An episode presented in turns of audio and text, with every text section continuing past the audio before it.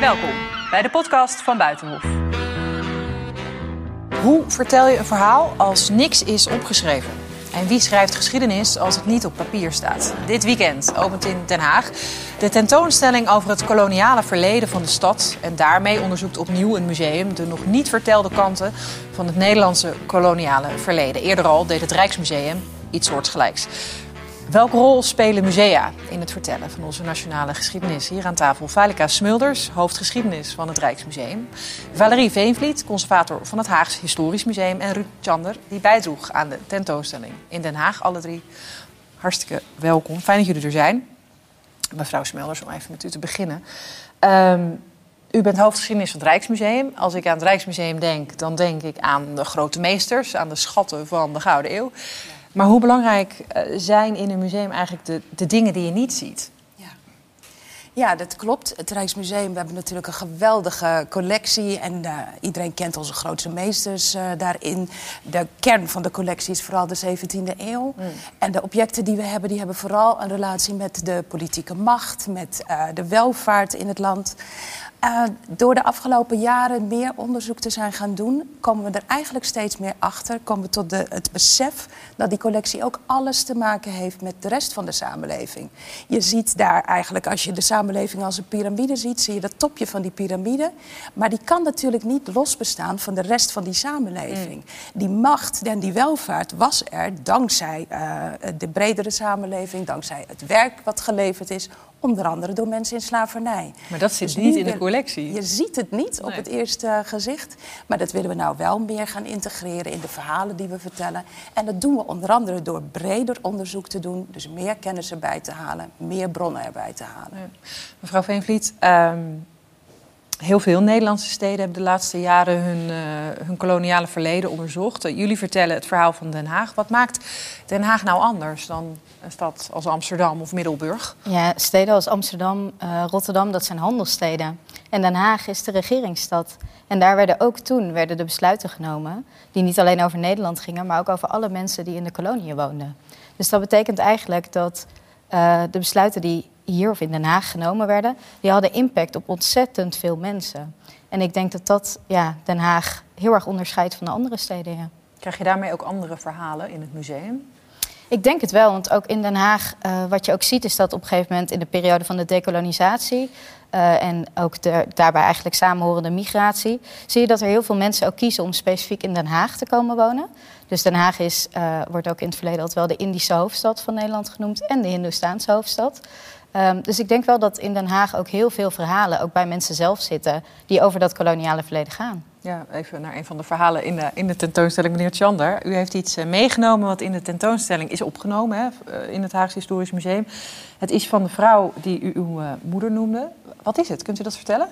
Het is een kara. Eigenlijk letterlijk betekent het hart. Het is solide, een solide sieraad. Mm -hmm.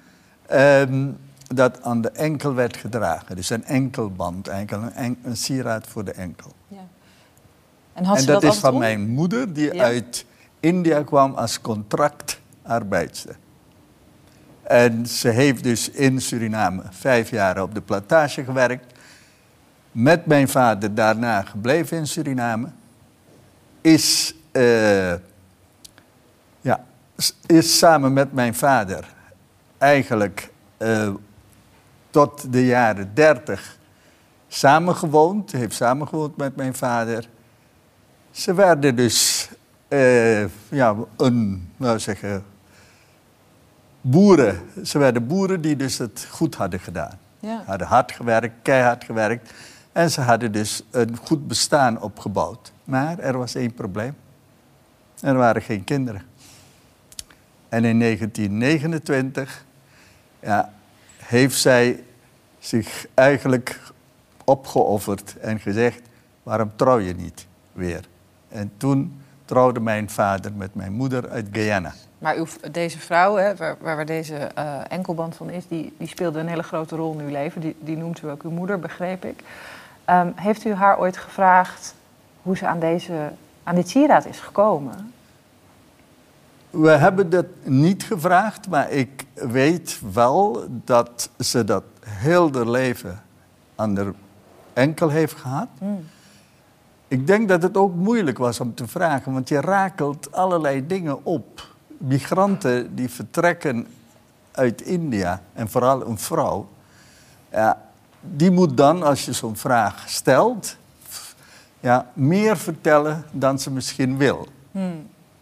En ik denk dat ze met veel schuld, schaamte en weemoed ja, zaten. En ja, vraag je soms, stel je zo'n vraag, dan ga je natuurlijk verder vragen van waar heb je het vandaan? Wat betekent het, et cetera? Wie heeft jou gegeven? Dan moet ze dus haar verhaal vertellen. En dat heeft u. En, en ik denk dat ze dat daarom niet heeft gedaan. Eh, mevrouw Veenvliet, voor het museum, welk verhaal vertelt dit sieraad voor jullie? Ja, eigenlijk twee dingen. Het vertelt dat het koloniaal verleden van Nederland nog steeds heel erg doorwerkt. Ook in het heden en in de levens van mensen eigenlijk. Ehm, dus dat het eigenlijk eh, eh, ja, heel erg nog te zien is in verhalen die in families zitten. ehm, en nog heel erg eigenlijk een rol heeft, ook vandaag de dag. Maar het vertelt tegelijkertijd ook dat wij eigenlijk met de collecties die we hebben in het museum dit verhaal niet kunnen vertellen. Eh, de collecties die in het museum zitten, die eh, zijn eigenlijk eh, inderdaad heel ander soort voorwerpen. En dit soort persoonlijke verhalen, ehm, die hebben we niet. En daar hebben we echt inderdaad, zijn we ook heel dankbaar voor dat bijvoorbeeld Ruud zijn verhaal wil delen. Want anders kunnen we dit soort verhalen eigenlijk gewoon niet tonen. Nee, mevrouw Smulders, u vertrekt straks naar New York, want daar had het Rijksmuseum een tentoonstelling bij de Verenigde Naties, waar ook, als ik het goed begrepen heb, de persoonlijke verhalen voorop stonden. Is dat echt een. waarom hebben we eigenlijk niet genoeg aan die geschreven bronnen? Waarom zijn deze, dit soort verhalen, dit soort objecten zo belangrijk? Ja. Ehm, in de koloniale periode, de mensen die als slaaf werden gehaald in andere gebieden en meegenomen werden naar dat gekoloniseerde gebied, die, mochten, die werden zelf beschouwd als object. Ze mochten dus geen objecten hebben. Ze konden dus niet hun eigen leven documenteren, anders dan op de orale manier. Dus door hun verhalen door te geven, hebben zij hun eigen verhaal eigenlijk vormgegeven. En in de tentoonstelling, zoals hij hier stond in Amsterdam eh, in 2021 en zoals hij nu in New York staat, heeft die orale geschiedenis dus een hele belangrijke rol. En door die objecten te koppelen aan wat we uit archieven kunnen halen, maar door die archieven tegen de draad in te lezen en dan vervolgens ook die mondelinge geschiedenis eraan toe te voegen, dan pas krijg je echt een vervlochten geheel aan verhalen. En kunnen we veel objectiever vertellen wat zich in het verleden heeft afgespeeld. Eigenlijk wordt het beeld genuanceerder, begrijp ik. Ja. Zit daar ook een persoonlijke connectie bij voor u? Eh, ja, mijn eigen voorouders die komen ook uit alle onderdelen van het verhaal. Ik heb voorouders die eh, hebben mensen in hun, tot hun bezit gerekend. Ja. En ik heb voorouders die hebben eh, gewerkt als slaaf. En mensen die als contractarbeider uit Azië zijn gehaald. Ja. Speelde dat zwijgen daar ook een rol? Absoluut, ja, absoluut. En daarom is het ook zo interessant dat er nu steeds meer eh, archieven digitaal beschikbaar zijn, zodat je zelf onderzoek kunt doen en je achter allerlei details kunt komen, waardoor je dat verhaal weer bij elkaar puzzelt en een steeds breder eh, inzicht weer krijgt. Ja, dus we hebben het ook over het belang hè, van, van andere bronnen dan alleen geschreven bronnen. Ehm, we hebben een geluidsfragment. Dat wil ik heel even inleiden, want het is een heel oud geluidsfragment. Dus er zit een kraakje in. Eh, het is een vrouw en die.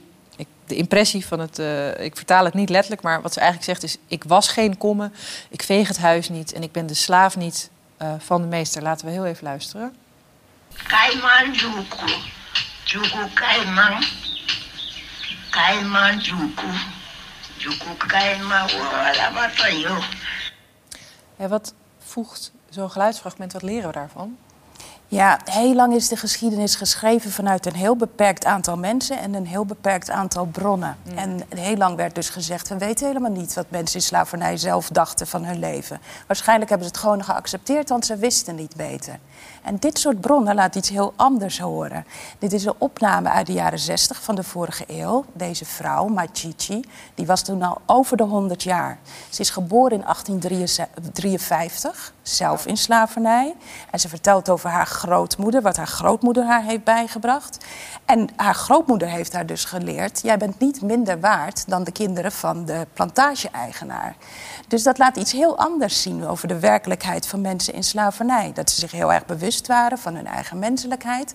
Maar ook dat ze zich heel erg bewust waren van dat onrechtvaardige systeem, dat dat niet klopte.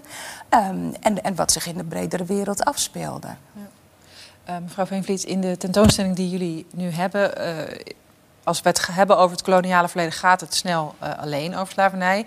Jullie tentoonstelling schetst ook bijvoorbeeld dus het beeld van de contractarbeiders. Hoe eh, hebben die dingen met elkaar te maken? Schetsen jullie daar een, completer beeld van? Eh, zeker, ja. Ik hoop heel erg dat deze tentoonstelling ook kan bijdragen aan ehm, het besef dat als we het over de koloniale en slavernijgeschiedenis hebben, ehm, dat dat eigenlijk één heel erg groot systeem was. Wat vanuit Den Haag inderdaad dat bestuurlijke systeem eigenlijk zo ingericht werd. En dat dat ehm, dus niet allemaal losse geschiedenissen of kleine stukjes geschiedenis zijn, maar dat het allemaal één groot verhaal is. En dat zie je inderdaad ook met de contractarbeid bijvoorbeeld, eh, het verhaal ook van Ruud. Ehm, dat, dat, is, dat ontstaat, dat is al langer zo, maar eh, Nederland gaat de contractarbeid op heel groot niveau eigenlijk inzetten als de slavernij wordt afgeschaft.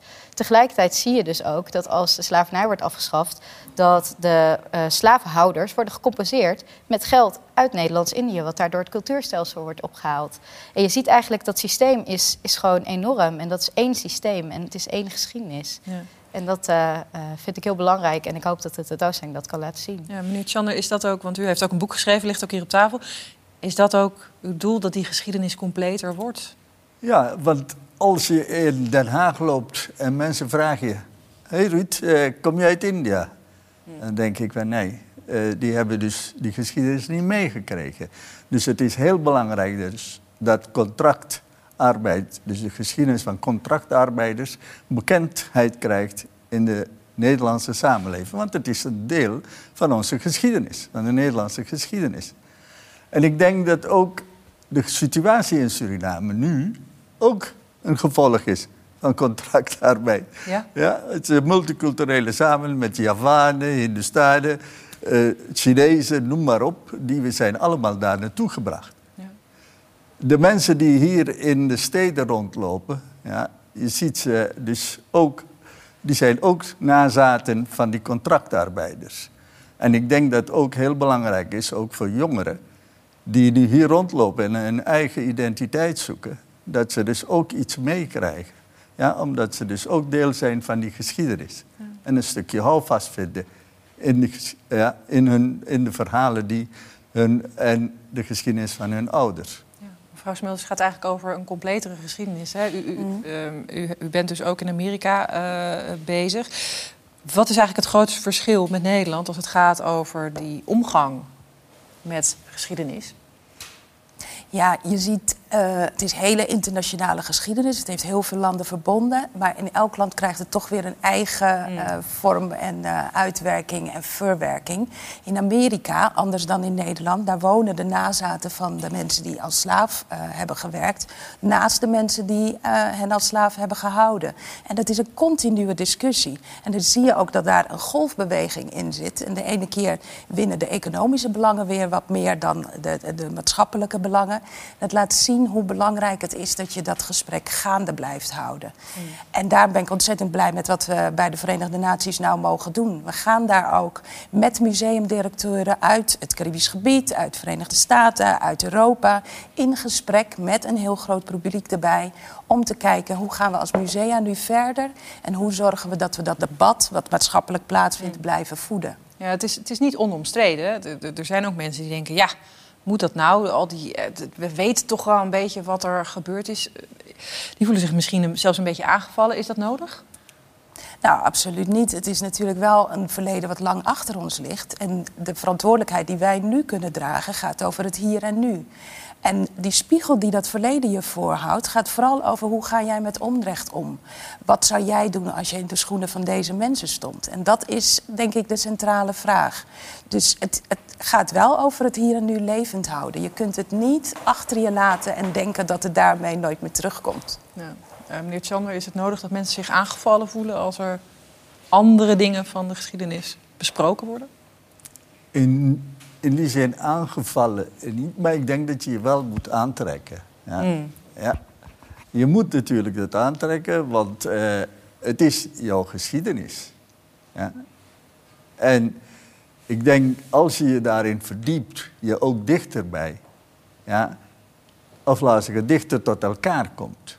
Ja, we, er was net op het nieuws eh, hoeveel schepen zijn eh, ja, vergaan in de, migranten die komen naar Europa. toen werden de, subs- werden subsidies gegeven om die mensen te halen. Ja, en nu proberen we ze dus eigenlijk weg te houden. Ja, je ziet hoe de geschiedenis eh, ja, zich herhaalt, maar ook elkaar we zeggen, aanvult. En ik vind dus dat eh, we voor, we voor slavernij krijgen gelukkig heel veel aandacht de laatste tijd. Maar contractarbeid is nog steeds ja, een ondergeschoven kind. Ja. Mag ik En- jullie... Oh, sorry. Ja, en ik, denk, ik hoop dat er dus een groot onderzoek ook komt, ja, zoals dat boek daar, eh, ook over dus contractarbeid in Nederland. Ja. Want er zijn natuurlijk heel veel onderzoekingen geweest, maar dat zijn allemaal eh, mensen die dus zelf dat hebben gedaan. Maar ik denk dus dat een of ander de universiteit gewoon de opdracht moet krijgen om echt een groot onderzoek te doen over contractarbeid. Duidelijk.